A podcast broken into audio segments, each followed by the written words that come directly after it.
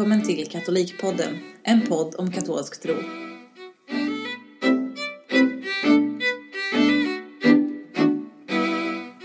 Ja, hej och välkomna till en ny episod utav Katolikpodden. Eh, och idag så är det med mig Patrik och, Och med mig Petri.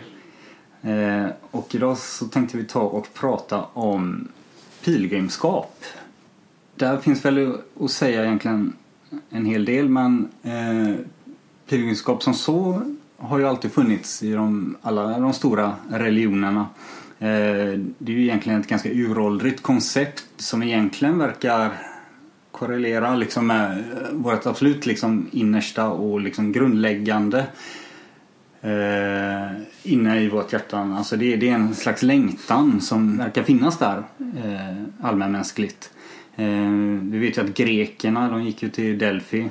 Eh, peruanerna mm, gick ju till Cusco. Eh, buddister gick till Kapa, Kapila Vastu. Eh, muslimer de går, ju- går ju till Mecka och judar de brukar ju eh, vallfärda till, till Jerusalem. Eh, och det är ju liksom platser oftast där något mirakulöst har skett eller eh, någon gudomlighet fanns helt enkelt. Och där det fanns så brukade då människor helt enkelt flockas dit i, i stora mängder för att liksom kunna utföra någon form av religiös aktivitet. Och just pilgrimskap som så, den formen av liksom religiöst uttryck fanns också väldigt tidigt eh, även inom kristendomen. Ehm, från hela början så drogs ju kristna till de ställen där liksom himmelen mötte jorden. Och där är ju kanske då främst det heliga landet, det stora målet eller liksom.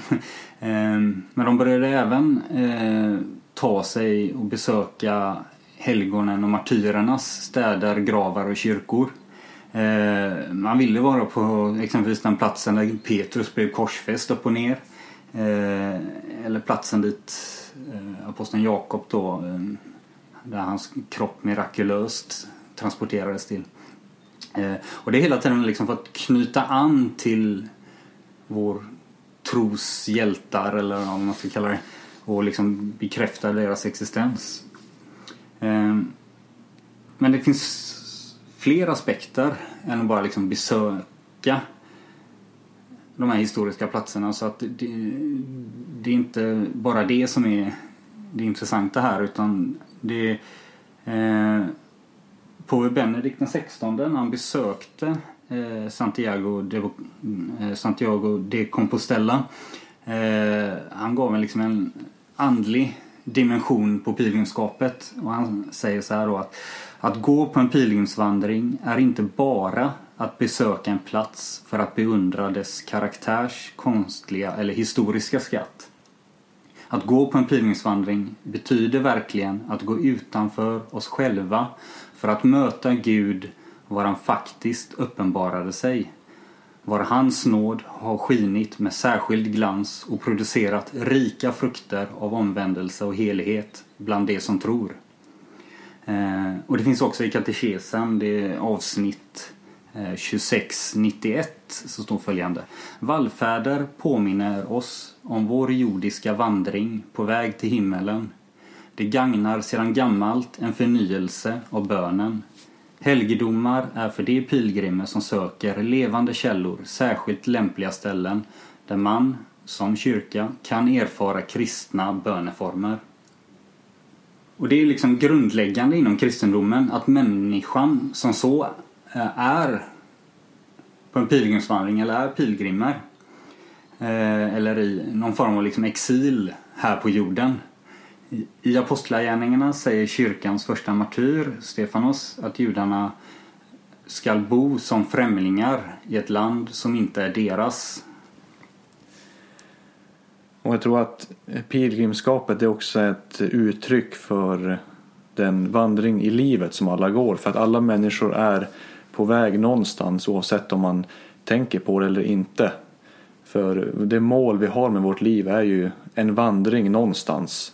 För står man still så blir man ju uttråkad eller i värsta fall deprimerad. För att vi, vi lever för att utvecklas, för att komma närmare ett mål. Och som kristna är ju då målet givetvis himlen och det himmelska Jerusalem.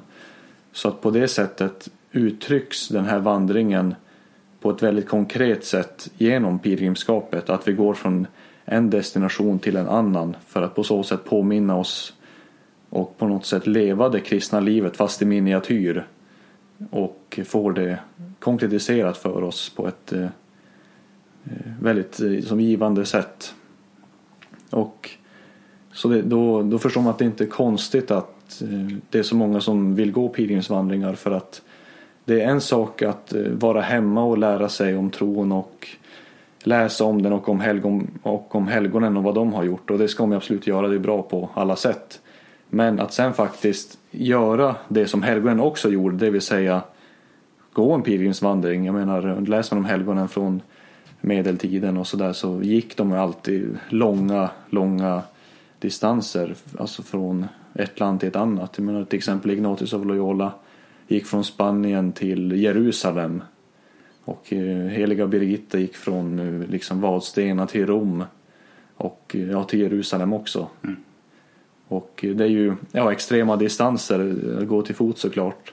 Men man kan få en ganska rejäl försmak av det här på, i, i mindre pilgrimsvandringar. Man behöver inte bli alltför extrem direkt och gå 100 mil precis för då kommer man ju kanske stryka med på vägen. Precis. Nej, men eh, det finns ju i engelskan, alltså om du tänker på själva ordet för församling, parish, så kommer det ju från, greki, eh, från grekiskan. Eh, paroikos som är, egentligen betyder främling eller besökare. Mm. Eh, och det är kul att det är liksom ordet för församling mm. egentligen. Alltså mm. egentligen så tror jag inte att man behöver gå så värst långt egentligen. Mm. Man kan gå till sin lokala församling egentligen. Mm. Och där finns Gud själv. Ja. Det behöver liksom inte vara svårare än så.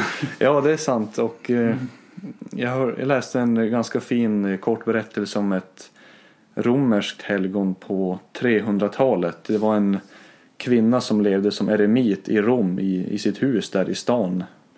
Och eh, hon spenderade mer eller mindre ja, hela sitt liv, åtminstone en stor del av det, i sitt boende och bad hela tiden. Och då var det en eh, person då som hälsade på den här kvinnan och frågade varför, varför är du här inne hela tiden? Att, eh, eh varför, varför går du inte ut i världen? Men då sa hon att jag, jag är inte bara här, jag är på resa. Så att hon var på den inre resan och gick faktiskt närmare himlen trots att hon fysiskt var på exakt samma ställe hela tiden. Så att eh, det visar ju även att pilgrimskapet har både en fysisk och eh, liksom konkret dimension och den inre andliga dimensionen. Och de bör helst kombineras för att man kan ju gå 10 mil och eh, kanske inte få så mycket andligt ut ur det. Eller så kan man eh, liksom vara hemma i, i sitt eget hem och ändå utvecklas mycket andligt. Så att eh, det man ska sträva efter är såklart att göra pilgrimskapet andligt eh, så uppbyggligt för en. Det är ju som målet med det. Det finns vissa kyrkofäder genom historien som har varit kritiska mot pilgrimsvandringar för att eh, det var vissa som hade tendens att se att Gud fanns mer på andra ställen än andra. Och eh, de ville då betona att du kan hitta frälsning och Gud där du är just nu. Eh, vart du än är. Så att, och det är givetvis sant men... Eh, jag, jag kan tänka mig att det, det är så viktigt att kanske distansera sig, tänker jag, eller ta tid. Mm. Och det är kanske inte alltid är det enklaste hemma. Mm.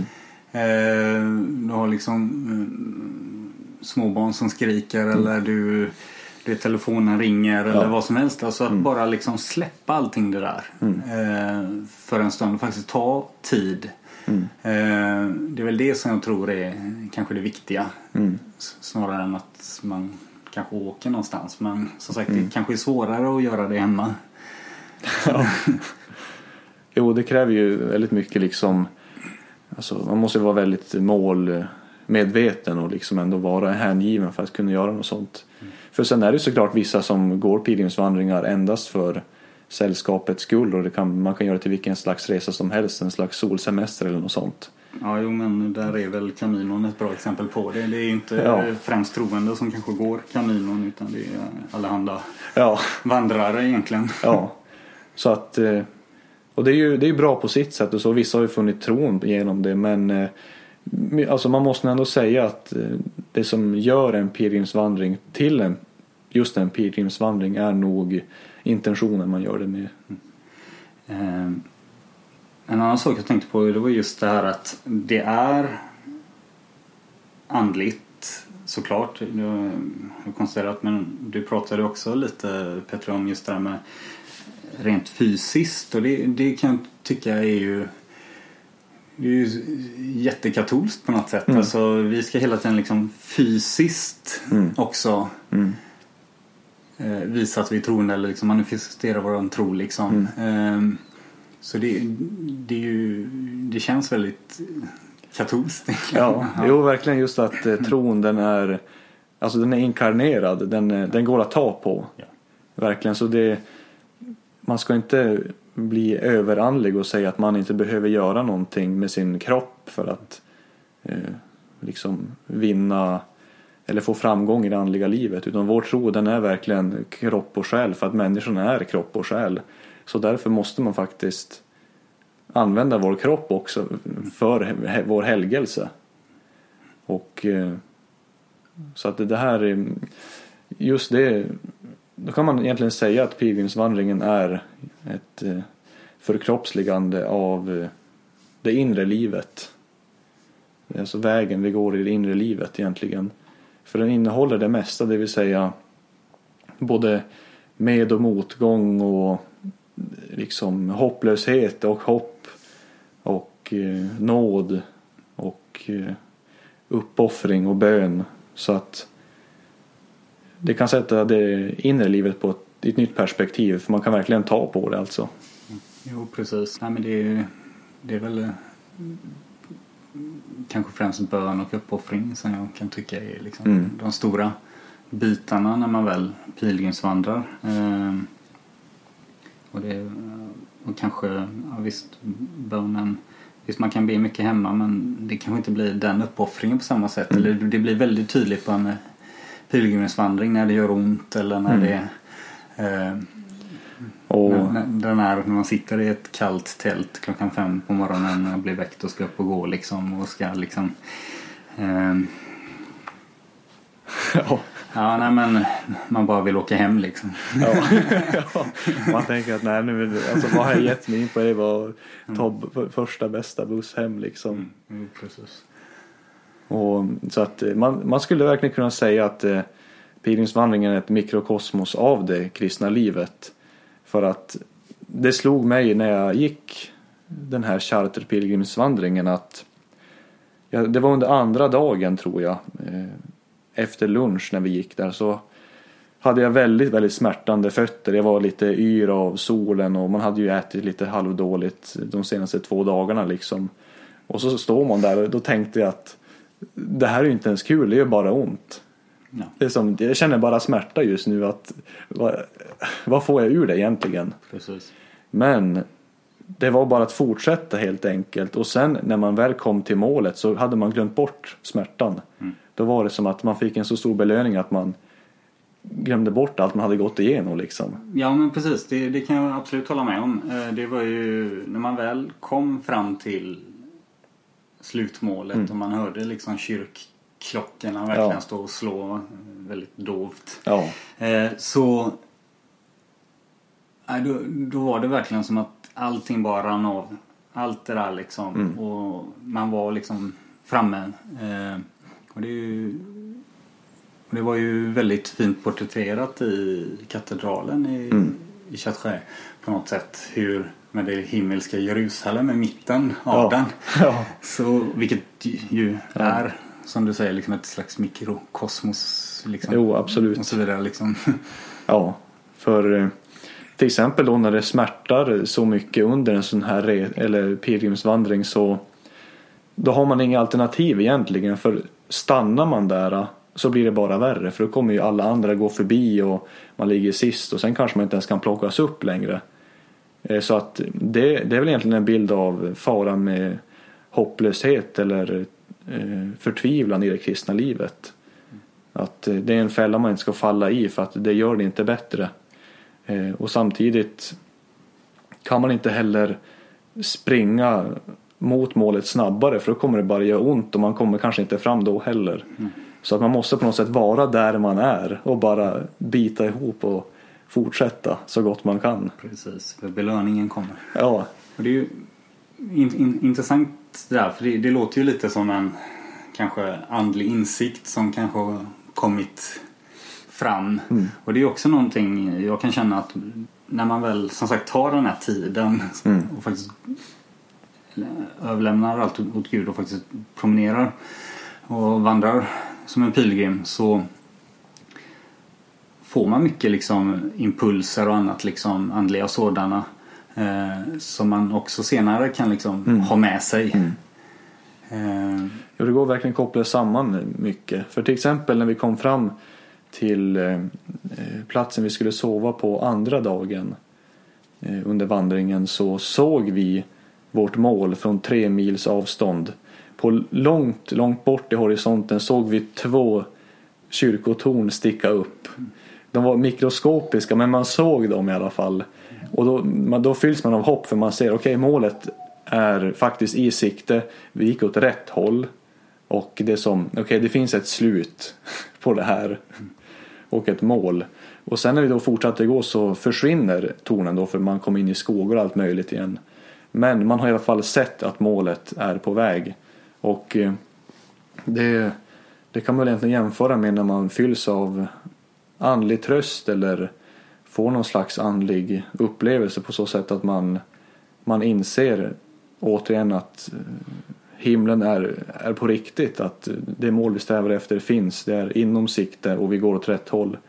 Och då ska man komma ihåg detta när, eh, när det försvinner ur en synfält. Liksom. Och då är det bara att bita ihop för att eh, man vet ändå, man har sett vart man är på väg. precis, även om det blir, om det blir natt. Ja, exakt. Om, om natten kommer så vet jag att ja, det, solen går upp till sist igen. Precis, men det fanns en ljusshow som var så, Ja. den såg vi inte från tre mil men Ja. Men för att sammanfatta lite då. Eh, pilgrimskap är ju därmed något viktigt kan man säga i vårt andliga liv. Eh, att vallfärda kan vara något så liksom, svårt som att egentligen åka till det heliga landet eller ja, vad man nu åker. Eh, eller något så enkelt som att besöka liksom, sin lokala församling eller ja. Eh, Men oavsett vilken typ av pilgrimskap man gör så överensstämmer handlingen med liksom vårt hjärtas egentliga önskan. Att liksom få närma oss ljuset eh, och liksom en form av liksom vederkvickelse och frid. Eh, Den talar till liksom vårt innersta och är liksom någonting som Gud har placerat inom oss alla och påminner om oss att vi ska liksom leva vårt dagliga liv med förståelsen att denna världen inte är vårt hem utan en förberedelse för vårt eviga hem i himmelriket. Men eh, vi har redan varit lite inne på det också. Vi, vi var ju faktiskt borta på en pilgrimsvandring. Mm. Eh, vi kom hem igår. eh, och ja, jag vet inte om Petter om du kan berätta lite. Ja, vi kom då hem igår och sitter här fortfarande, åtminstone jag, med lite sveda i fötterna. Eh, vi for då till en pilgrimsvandring i Frankrike som var mellan Notre Dame i Paris till Notre Dame i Chartres, vilket är eh, 11 och en halv mil därifrån till fots. Det tar ungefär ja, två och en halv dag att gå de här 115 kilometrarna. Ja. Så eh, det, det började så att vi samlades väldigt tidigt på morgonen utanför Notre Dame i Paris.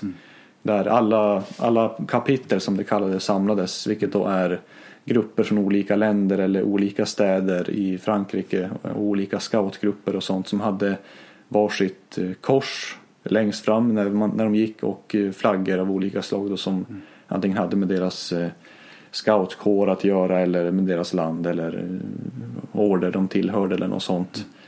Och då samlades vi då där för att fira den inledande mässan innan vandringen då. Mm. Ja, innan man gick iväg.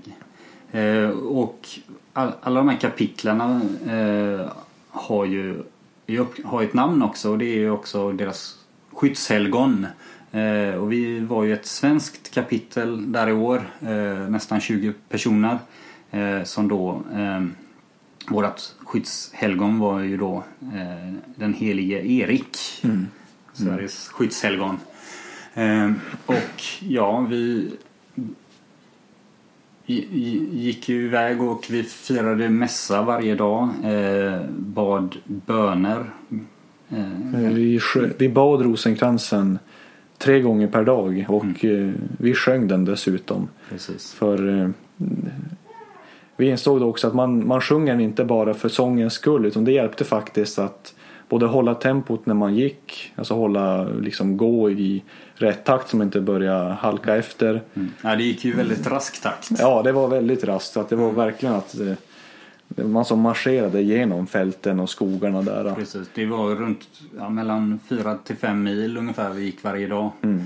Eh, och då ska man minnas att det, det var ungefär 15 000 personer som gick den här pilgrimsvandringen och det mm. var allt från små scoutgrupper, mm. alltså, eller små, men alltså att de var väldigt unga till ja, alla möjliga. Det fanns även familjegrupper som kanske gick en liten kortare bit varje dag. De blev körda och sen så, ja, tills... Men det, det som var intressant var ju att folk som gick där var ju väldigt unga. Alltså själva ja. genomsnittsåldern på pilgrimerna var 21. Mm. Och bland prästerna, det fanns en hel del präster. Det var nästan... Det måste vara 150-200 präster kanske? Ja, precis. Så det var nästan varenda grupp hade en egen präst som gick med och där var medelåldern 30 år. Mm. Så att de var också väldigt unga. Och det, var, det är väldigt fascinerande att se att intresset för sådana här saker är väldigt stort hos ungdomar särskilt. Det är inte så att man kände sig som att eh, man hade kommit till fel ställe liksom. Att det bara var äldre, äldre folk där. Utan det var Eh, som en stor ungdomsvandring eh, eh egentligen. Det var alltså lite alltså i form av lite av en världsungdomsdag kan man säga. Eftersom att eh, genomsnittsåldern var så låg och eh, Caminon då som Nikolaus kommer berätta om senare. Att eh, det var som en kombination av detta med på ett väldigt fint sätt verkligen. Mm. Ja men verkligen. Eh, och ja, alla pilgrimer de gick runt och sjöng. Det var inte mm. bara, bara vi som sjöng utan det var verkligen, vi hamnade mittemellan en grupp irländare och eh, sen gick hela det bayerska blocket ja. bakom oss. Det var verkligen ett block. Alltså det, var... ja, det var ganska många bajrare där. Då. Ja, precis. Och de hade sin gitarr där och sjöng väldigt många olika liksom väldigt livliga sånger och hymner av alla olika slag.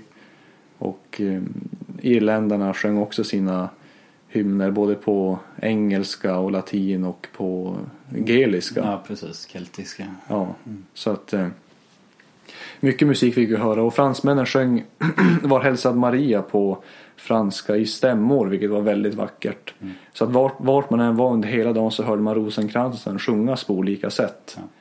Så att eh, det, sen när man väl till och med nu när man är hemma liksom så hör man fortfarande ro, rosenkransen sjungas i ens huvud för att man har gjort det nu i flera dagar. Precis, det var ju en deltagare som, ja. som verkligen tog det här steget längre och låg och Ja, när han låg och sov så låg han och sjöng rosenkransen.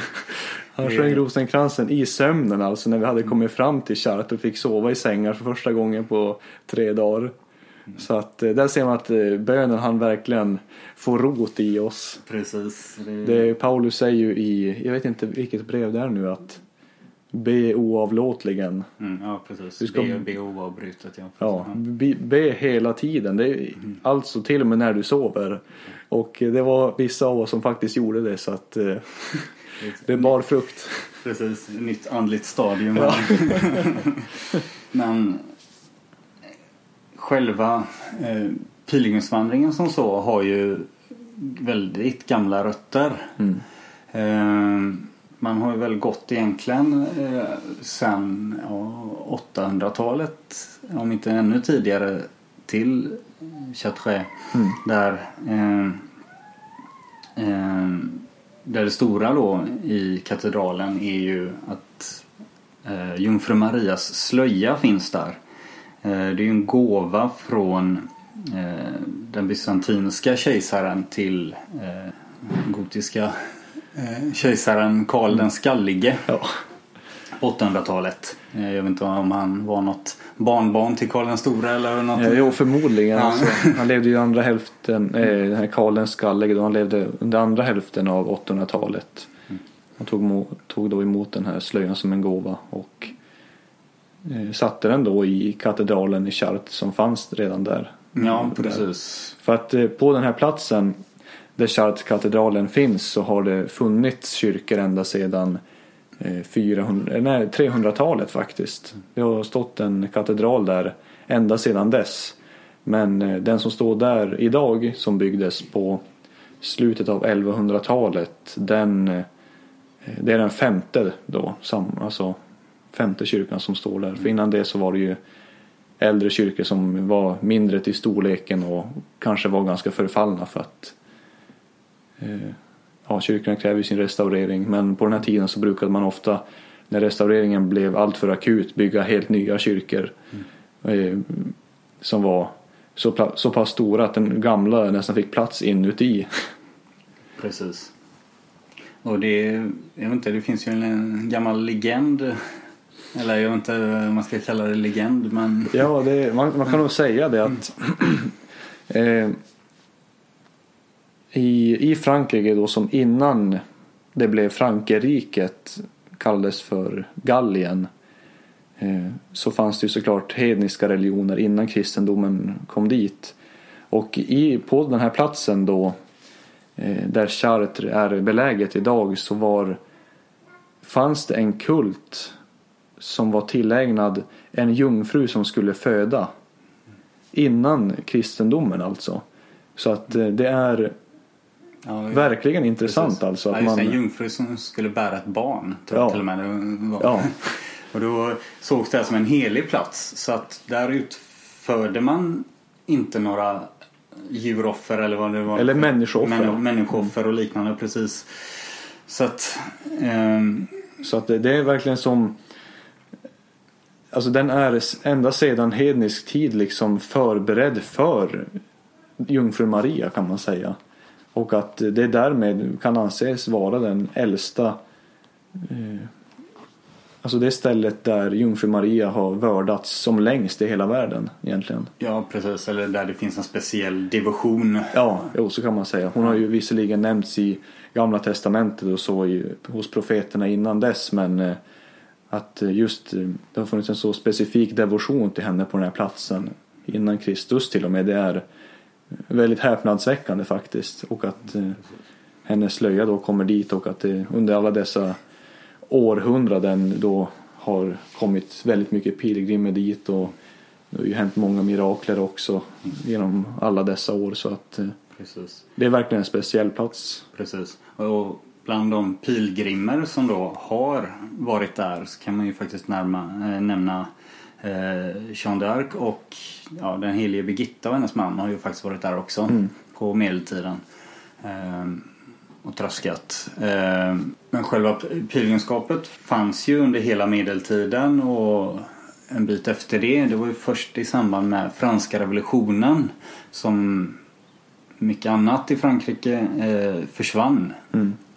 Eh, och sen så återupptogs detta i, i samband med eh, från hela början så var det faktiskt en fransk poet som jag eh, har glömt lite namnet på just nu. Eh, men som var väldigt eh, ja, liberal eh, och som eh, senare blev katolik. Eh, men han var den enda i sin familj som faktiskt blev det. Eh, i samband med sin konversation. Och han, eh, han, han fick inte ens döpa sina barn för hans fru var fortfarande väldigt, hade kvar de här liberala åsikterna. Och hon, jag vet inte om de levde som skilda eller något liknande men han gick aldrig och tog kommunion. Och det är ju ett jätteoffer egentligen. Alltså mm. aldrig i hela sitt liv tog, fick han motta kommunion just därför. Och han i alla fall eh, jag får med att hans barn blev sjukt. Väldigt svårt sjukt. Och han gjorde helt enkelt, ja, han återupptog den här pilgrimsvandringen i slutet av 1800-talet. Vi gick från Paris ut till Chartres. Eh, och barnet blev friskt efteråt. Mm. Eh, tyvärr så eh, omvände, blev, de, blev hans fru inte omvänd utav detta eh, utan det var först efter han dog. Och i samband med det som hon faktiskt valde att bli katolik och faktiskt även hans barn då gå och döpa dem. Och senare på 30-talet fanns det lite så studentgrupper och annat som började fortsätta med detta. Och ja, i Chartreuse eh, moderna historia började väl egentligen först på 80-talet när eh, olika trad traditionella grupperingar eller de som firar den lite äldre formen av mässa. De första som gick den här vandringen eh, i år var det för övrigt den 36 gången som den här pilgrimsvandringen skedde. Men eh, ägde rum. Men eh, den började med militärer från början. Okay, ja. Det var eh, katolska militärer då i Frankrike som gick den här vandringen den första gången och det var egentligen startskottet då till det här. Mm Och då började fler och fler ansluta sig med tiden och ja nu är det ju, har det varit upp till 17 000 var det förra året mm. och i år var det 15 000 så att det Eh, på grund av att det var lite tidigare och lite olägligt med studier och sådär men eh, det, det blir mer och mer populärt och det har väldigt mycket publicitet i katolska tidningar i hela världen egentligen och i, i media i Frankrike till exempel. För att eh, samma morgon då som, eh, eller morgonen efter vi hade kommit fram till målet på pilgrimsvandringen så läste vi lite om det här då i en eh, lokaltidning där, där de skrev om mm. vilka som har varit där och genomsnittsåldern då fick vi veta där och eh, att eh, det är en väldigt eh, ja, populär pilgrimsvandring då i Frankrike och särskilt då eh, väldigt en bra sak för, stad, alltså för Chartres som stad. Jag menar det, det gör så att de går plus både i form av eh, turism och restauranger och sånt där. Så att det, det gagnar egentligen alla kan man säga. Och vi hade ju också den stora nåden att i den stora slutmässan, eh, pontifikalhögmässan, så eh, var det ingen mindre än kar kardinal Sarah. Alltså mm. han som är eh, ja, liturgikommissionens i Vatikanens absolut högsta chef. Eh, som firade liturgin och mässan. Mm. Eh, så att det, det, var ju väldigt eh, mäktigt att få faktiskt se en Eh, ja, en pontifikal högmässa i ja. den äldre formen. Mm. Firas av just han. Mm. Och när, när pilgrimerna då anlände till kyrkan så stod han vid porten där för att ta emot dem och hälsade och välsignade pilgrimerna och ja, stod där med sin lysande röda kardinalklädsel. Och det var verkligen en slags uppenbarelse att se han stå där faktiskt för att eh, trötta som alla var så ser man liksom den här strålande mannen i rött där mm. liksom välsigna folket och alla var väldigt, väldigt glada över det. Precis. det var ju vissa av de svenska deltagarna som kommenterade det som att det är som en aura runt honom. Ja. Jo, det finns en eh, som en stor dignitet och integritet och Eh, det är som respektingivande att se honom verkligen. Mm.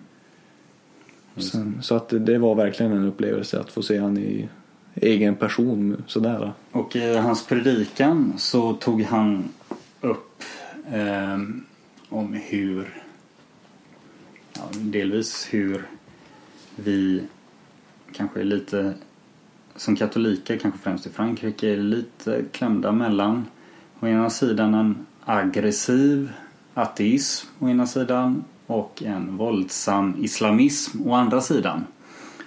Och eh, han menade att vi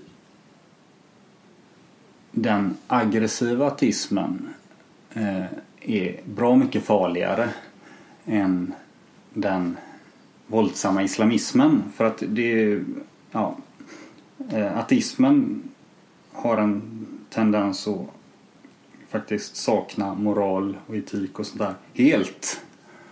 Ehm, och just därför är den bra mycket farligare. Ehm, men samtidigt så menar han att ja, egentligen hela Europa behöver söka sig tillbaka till sina rötter för att verkligen liksom mm. kunna bli en slags ett bra motstånd mot detta. Mm. Mot alla de här liksom modern, ja, modernism och alla, all, alla de här som finns liksom. Eh, som egentligen liksom plågar mm. hela västlandet. Och eh, han framhöll då, vilket även prästen på lördagen gjorde, eh, på söndagen gjorde i sin predikan, att svaret till dessa olika ideologiska och eh, religiösa krafter vi ser idag som är aggressiva här i Europa är att få en starkare relation till Jesus Kristus. Att det är inte det är inte att vi ska bli någon slags politiska revolutionärer eller något sånt. För det är egentligen bara att svara med samma sak som de själva är. För vår tro det är inte en ideologi utan det är faktiskt eh, sanningen i, sitt, eh, i sin fullhet alltså. Mm. Och eh, människan i sin fullhet. Så vi ska inte svara med några mänskliga idéer utan vi ska svara med det som Gud uppenbarat till oss och växa i det för att det är så helgonen alltid gjorde. Så att eh, det är inte politiken och eh, ideologierna som frälser oss utan det är faktiskt eh, ingen annan än Gud som gör det och det är därför det är vår, vår tro som är det som är svaret till allt detta vi ser runt om oss idag. Och detta framhöll eh, då kardinal Sara till oss eh, i sin predikan vilket var väldigt, väldigt passande. Särskilt i Frankrike och som tyvärr har drabbats av så många terrordåd de senaste åren här. Så det är ju i allra högsta grad re re relevant. Mm. Och vi gjorde som så att vi har ju tagit och intervjuat eh, flera av de deltagare som gick med under pilgrimsvandringen eh, för att ja, höra lite vad de har och, vad de har för tankar om pilgrimskap. Eh, och, ja. Just den här specifika pilgrimsvandringen i, i Paris till Chartres. Så det kommer nu. Så ja. det är bara att hänga kvar.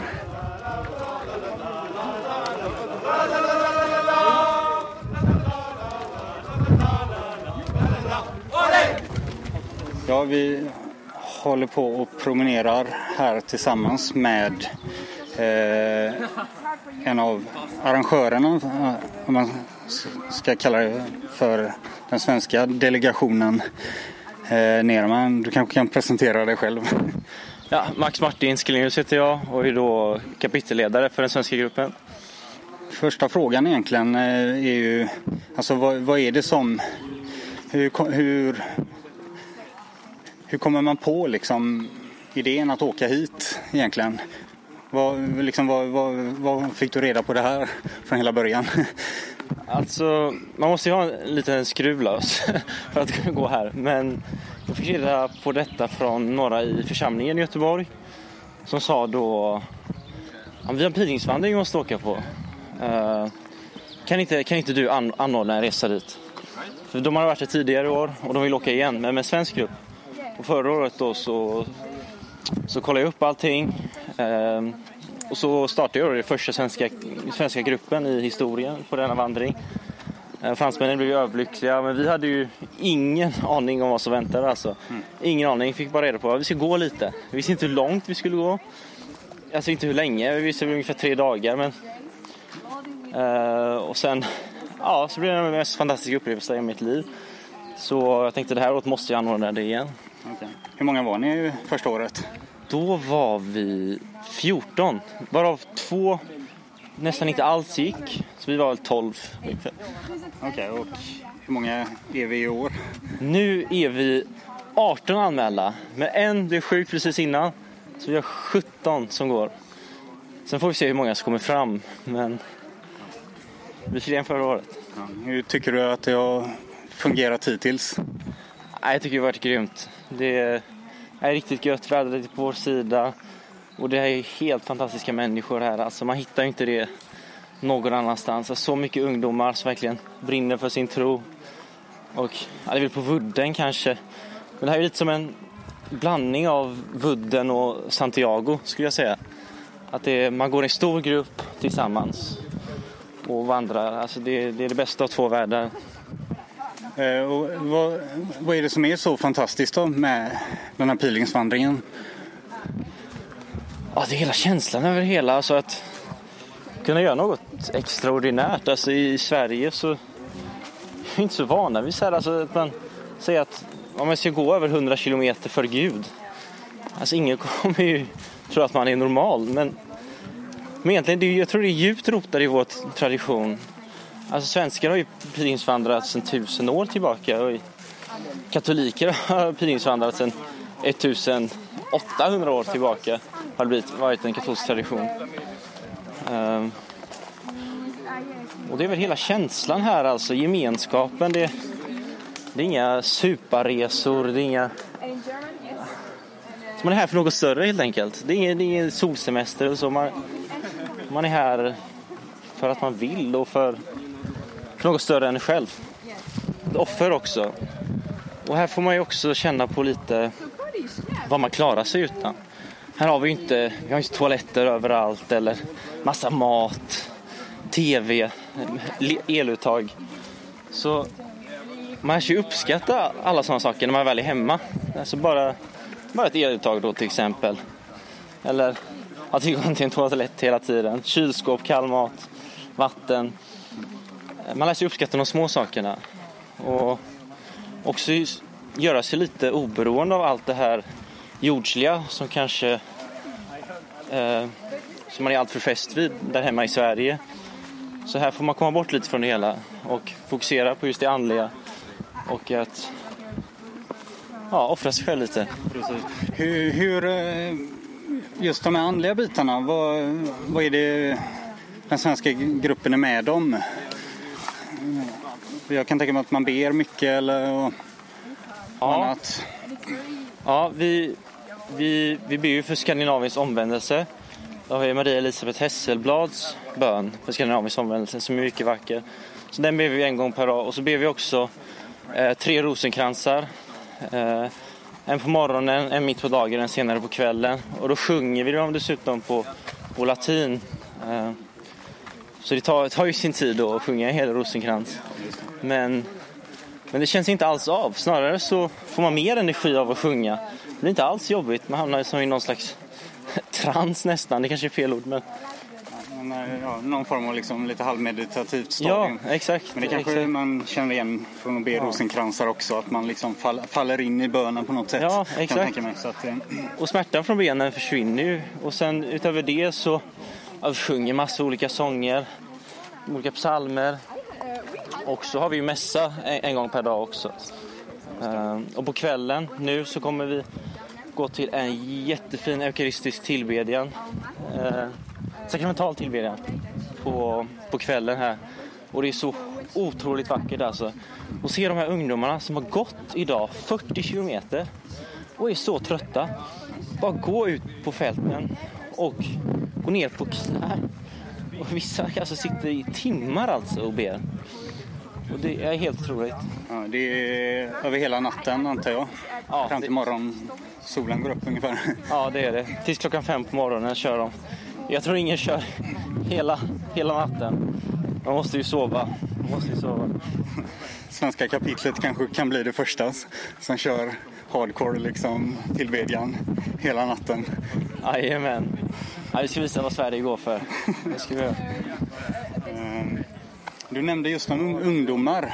Eh, vad jag tänker på mycket när, man, när jag går runt här är att det är väldigt mycket ungdomar. Alltså att det, alltså majoriteten är det, alltså 80-90 procent är liksom ungdomar eller under 30. Ja. Någon kommentar kring det? Ja, jag, jag vet inte riktigt varför. Alltså, det här är ju en lite mer traditionell vandring. Så att säga. Det, det är den gamla mässan som firas.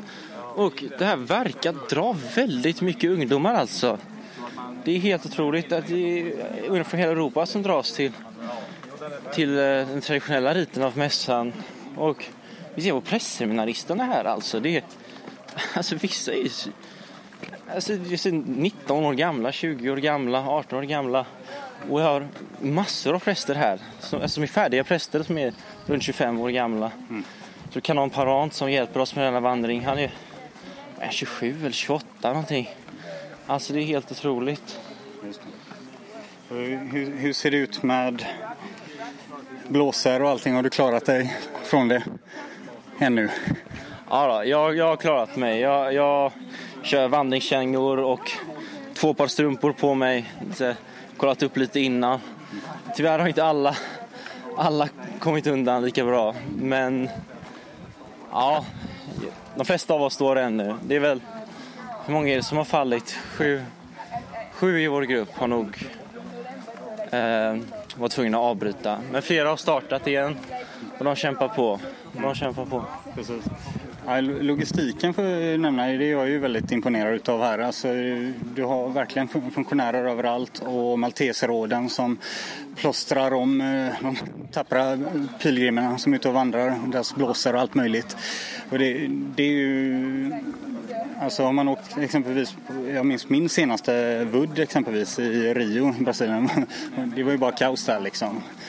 Eh, så det, det känner jag i alla fall jag är väldigt imponerad av liksom, logistik och organisationen kring detta. Nej, verkligen, det är ju, alltså det är tio, ungefär 10 000 ungdomar tror jag som, som vandrar här idag. Och det krävs ju ett enormt arbete.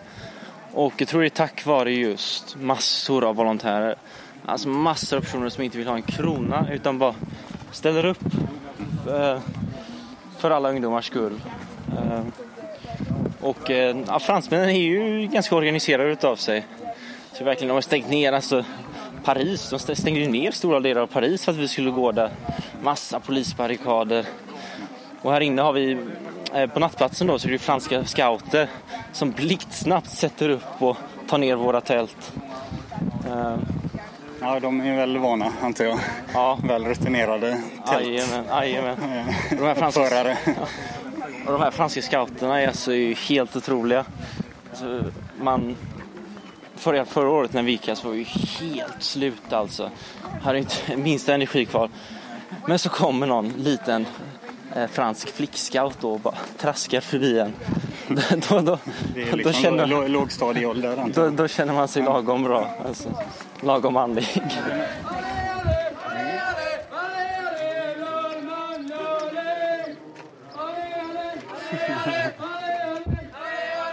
Eh, ja, vi har här en ytterligare deltagare som kanske vill presentera sig själv. Hej, Nikolaus Redestad heter jag. Tänker, eh, vi håller ju på här och vandrar i, vi börjar faktiskt närma oss Chartreux. Eh, och Nikolaus, du kan väl ta och berätta lite om varför du vandrar? Eh, nej, men det började förra året så bestämde vi oss för att göra den här pilgrimsresan. Vi hade hört om den och läst om den sedan tidigare. Ehm, så vi var bara intresserade av att se vad det var för någonting. Då var vi inte alls förberedda på hur jobbigt det skulle vara. Det var, jag upplevde det som extremt jobbigt faktiskt. Jag tänkte nog att jag aldrig skulle göra detta igen. Men eh, här är jag i år igen. Eh, det, det var faktiskt en väldigt eh, stark upplevelse framförallt av att den här pilgrimsresan nästan har fortsatt ett helt år efter. Alltså att eh, den har blivit lite grann en del av mitt sätt att förhålla mig lite grann till min tro och till livet i stort.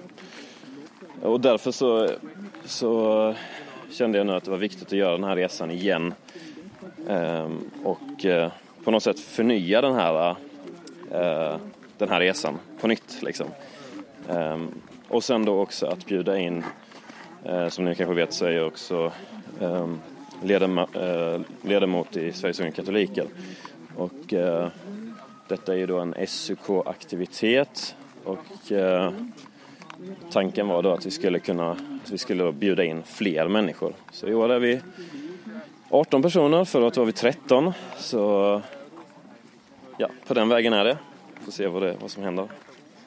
Precis. Du, du touchar lite vid någonting som vi faktiskt pratade lite tidigare i episoden om. Eh, det är just hur hela, hela livet är en pilgrimsvandring egentligen.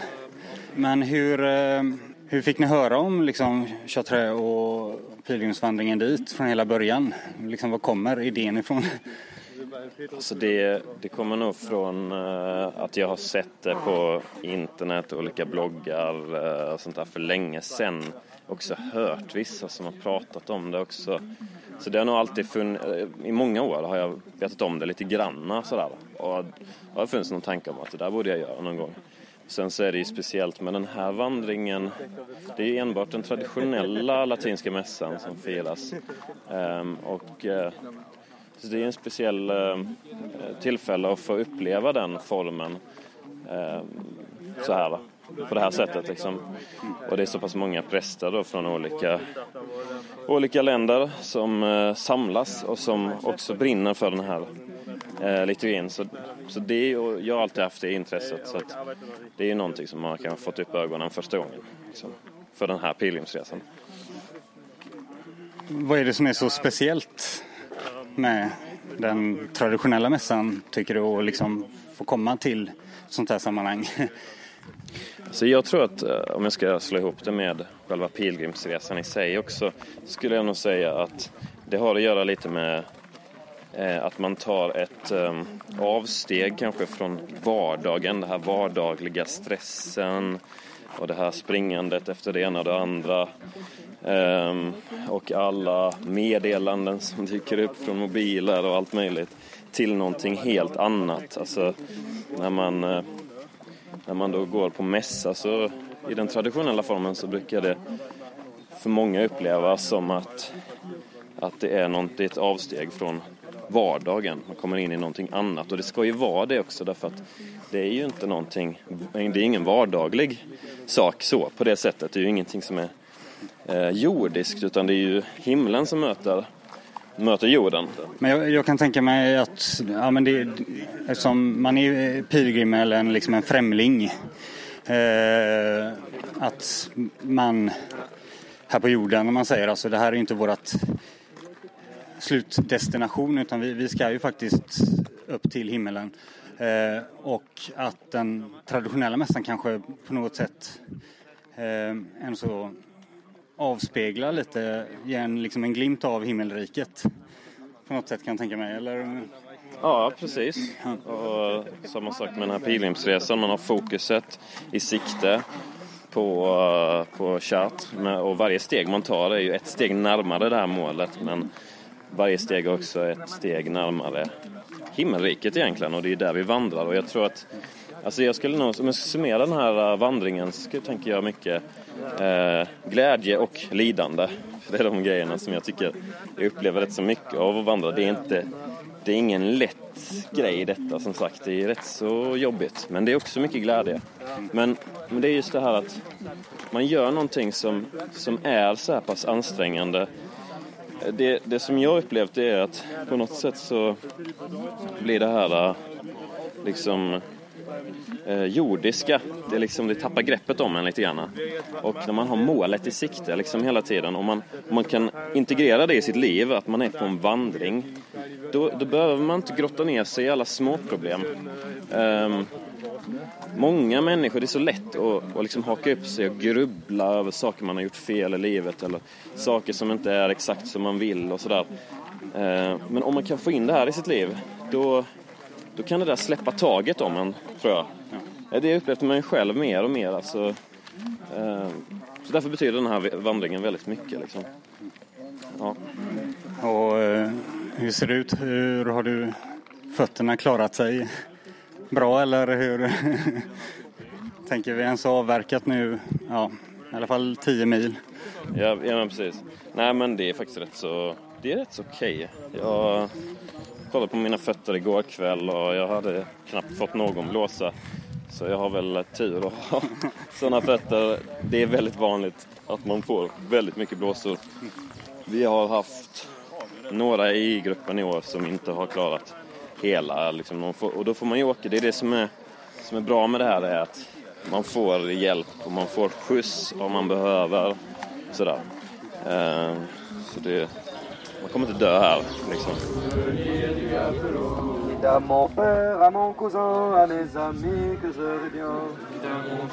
Vi står här tillsammans med en av de få, eller kanske den enda svenskspråkiga prästen i den här pilgrimsvandringen. Du kanske kan presentera dig själv lite? Ja, jag heter Walter Drisberg. Jag har varit präst i Sverige för 30 eh, år sedan och eh, några, några kunskaper av språket är ju kvar.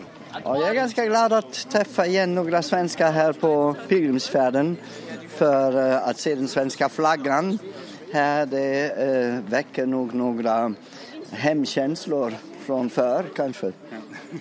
Eh, var någonstans i Sverige var du aktiv som präst?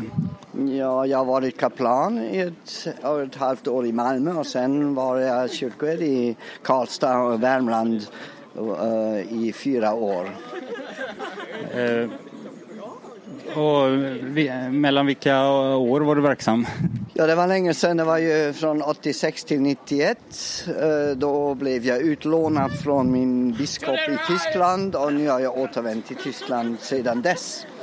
Och eh, det är ju eh, roligt och tillfredsställande också att se att tron lever i Sverige fortfarande och det finns unga katoliker som beger sig på välfärd på vallfärd säger man, ja. på vallfärd, ursäkta, uh, i, um, i Frankrike och det är ju en internationell vallfärd, det ser man ju på alla dessa flaggor som förs med. Över 10 000 uh, människor, troende som ger sig på, iväg. Och eh, vad är, vad är det som drar dig hit? Varför, varför har du kommit med på den här vallfärden eller pilgrimsfärden? Mm, jag har varit här första gången, varit med här för sju eller åtta år sedan tror jag. Och sen var jag här ett par gånger för jag tyckte faktiskt det är eh, intrycksväckande när man ser så många unga människor som är troende och inte minst att eh, fira mässan eh, i den traditionella Eh, riten Eh, det vill säga på latin och att alla kan vara med och man ser folk hålla på i alla, på alla raster eller också på vägen och biktar sig. Det är ju många um, intryck som man inte gör mycket längre på, i många församlingar i Europa i alla fall. Så moderniseringen och sekulariseringen har ju hållit på i flera årtionden nu också i den katolska kyrkan i eh, västra Europa. Och här, eh, här ser man en modern rörelse av eh, unga människor som visar att de vill anknyta till det som är det västerländska arvet. Men själva vandringen det är ju en symbol, det är en bild för hela livet. Det finns en, en psalm i, psalmboken, i svenska psalmboken som heter Gud, ditt folk är vandringsfolket. Men eh, eh, Faktum är att vi inte bara är på väg någonstans eller ingenstans utan vi är på väg mot ett mål. Och vi tror ju att vårt mål är Jesus Kristus som väntar på oss för att förbereda oss en plats eh, i sitt rike. Och eh, på det viset är vägen som har med verk, som har med smärta, med plågor, som har med eh, eh, mycket besvär också att göra med naturligtvis, med många glädjeämnen också. Det är ju eh, en bild för hela livet. Och ehm, eh, det sades av en annan präst i en annan eh, fransk eh, språkig grupp, sades det att ja, alla våra verk och besvär och blåsor som vi har, dem ska vi uppoffra för de arma själarna. Det betyder att för alla de som ännu är på väg, som inte kan göra mycket mer eller ingenting för sig själva, de är beroende av våra böner och de böner som vi uh, uppoffrar. Det är inte bara ord, utan vi förknyter våra böner alltid med våra gärningar, med våra uppoffringar. Och då är en väg som är eh, betydligt mer besvärlig än att stanna hemma på sin soffa. Denna, denna väg är eh, på det viset också inte bara en bild utan en verklig symbol för det är ju en verklig, ett verkligt offer. Ja, så vi, vi- vi, vi ger någonting, vi ger tid, vi ger kraft, vi ger bekvämlighet av vårt liv för de andras bästa. Ja, och på det viset är det en stor ekonomi som vi träder in i så att um, vi avbildar det som kyrkan egentligen är till för. Ja, så vi, eh, vi är till för att hjälpa till varandra att hinna fram, eller säger man? Att, att, att komma fram till himmelriket. Det är det. Ja. Ja, nej, men jag, det, vi får tacka Fader så mycket så får du åter, kanske återvända till din, till din grupp. Du får jättegärna stanna med våran också. Men det, Då ska jag förkunna samma sak. precis. precis. Okej, tack så mycket. Du